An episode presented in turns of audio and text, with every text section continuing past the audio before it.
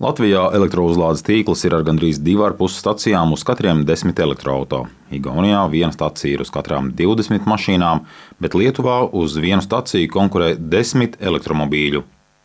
Energogigants Latvijas lepojas, ka tas ar projektu Electromdrive pēdējā gada laikā Latvijā ir izveidojis visvairāk uzlādes pieslēgu vietu.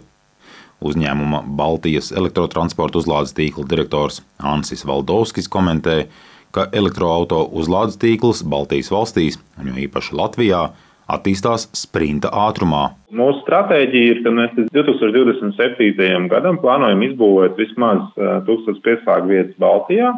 Šogad jau plānojam izbūvēt vismaz 500 pieslēgu vietas jau līdz gada beigām.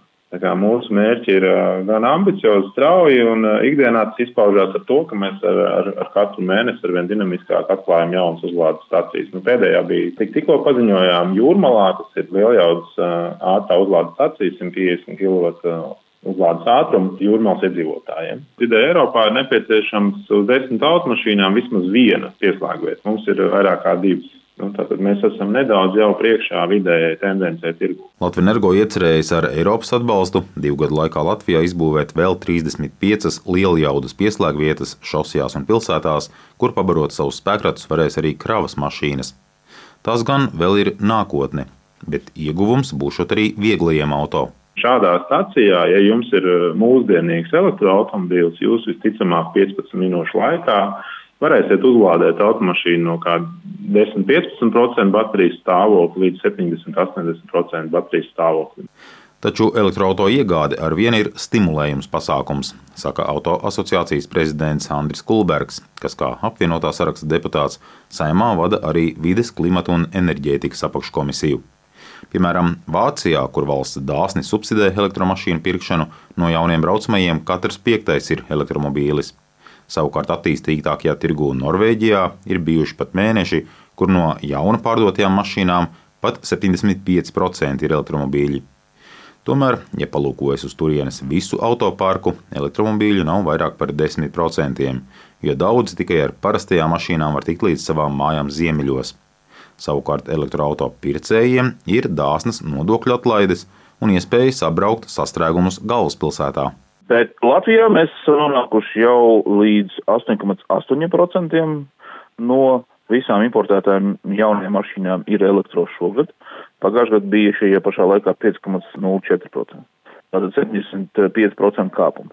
Mēs pietuvojamies, nu jau tas, kur 5 gadu atpakaļ bija Vācija, mēs pietuvojamies tam rādītājam. Daļēji to ietekmējusi atbalsta programma, taču tā pieejama tikai privātpersonām. No uzņēmumiem elektroautorāta gādā starptautiskās kompānijas un to filiālis, kur vadībai ir tā sauktā zaļā politika. Tāpat tādas mašīnas pērk publiskais sektors, jo noteikumi liek 22% no jauniegādātajām mašīnām būt klimatneitrālām. Kulbergs iesaka valsts atbalstu paplašināt arī uzņēmējiem. Tādi, piemēram, kā kāršēringa platformas, taksometri, piegāžu ķēdes pēdējā posma, kā DPD Latvijas pasts Venipak un Omnivo un tam līdzīgie, tie nobrauc ļoti pieklājīgs kilometrs pilsētu vidē, tātad ļoti koncentrēti daudz kilometrus un lielu piesārņojumu rada. Un enerģētikas ministrs Raimons Čudars no jaunās vienotības atbalstu sola arī uzņēmējiem. Valdība konceptuāli jau vienojusies. Mūsu mērķis ir vairāk uzmanību pievērst tieši komerctransportam, ņemot vērā, ka tieši komerctransportam kas ir uzņēmuma transports, ir lielākais nobraukums, līdz ar to arī tam ir lielāka, lielāka ietekme uz vidi. Tas būs īpaša programma, kas tiks pieņemta šajā rudenī. Tomēr auto asociācijas šefs un saimnes deputāts Kulbergs vērš uzmanību, ka steidzami jāatvieglo arī nosacījumi, lai uzlādes iespējas varētu ierīkot daudz plašāk. Jau 25. gadā būs 15 tūkstoši elektroautorāta mūsu autoparkā. Un 700 uzlādes stacijām ir jābūt Rīgā vien. Mums Rīgā ne tuvu nav šāds uh, uzlādes skaits, un galvenais izaicinājums, protams, ir mūsu īpatnība, Latvijas īpatnība, ka mums ir daudz dzīvokļu mājas, mums 86% no iedzīvotājiem dzīvo daudz dzīvokļu mājās. Pretstatā tam, kā tas ir Rietumē Eiropā vai Eiropā vidē, ir 43%. Tādēļ, lai braucamos uzlādētu pie savām mājām bez vada izkarināšanas no 9. stāva, ir jāatvieglo juridiskie un birokrātiskie šķēršļi. Tas noderētu arī uzņēmējiem, kas ceļ jaunus birojus, veikalus vai ražotnes. Edgars Kupčs, Latvijas radio.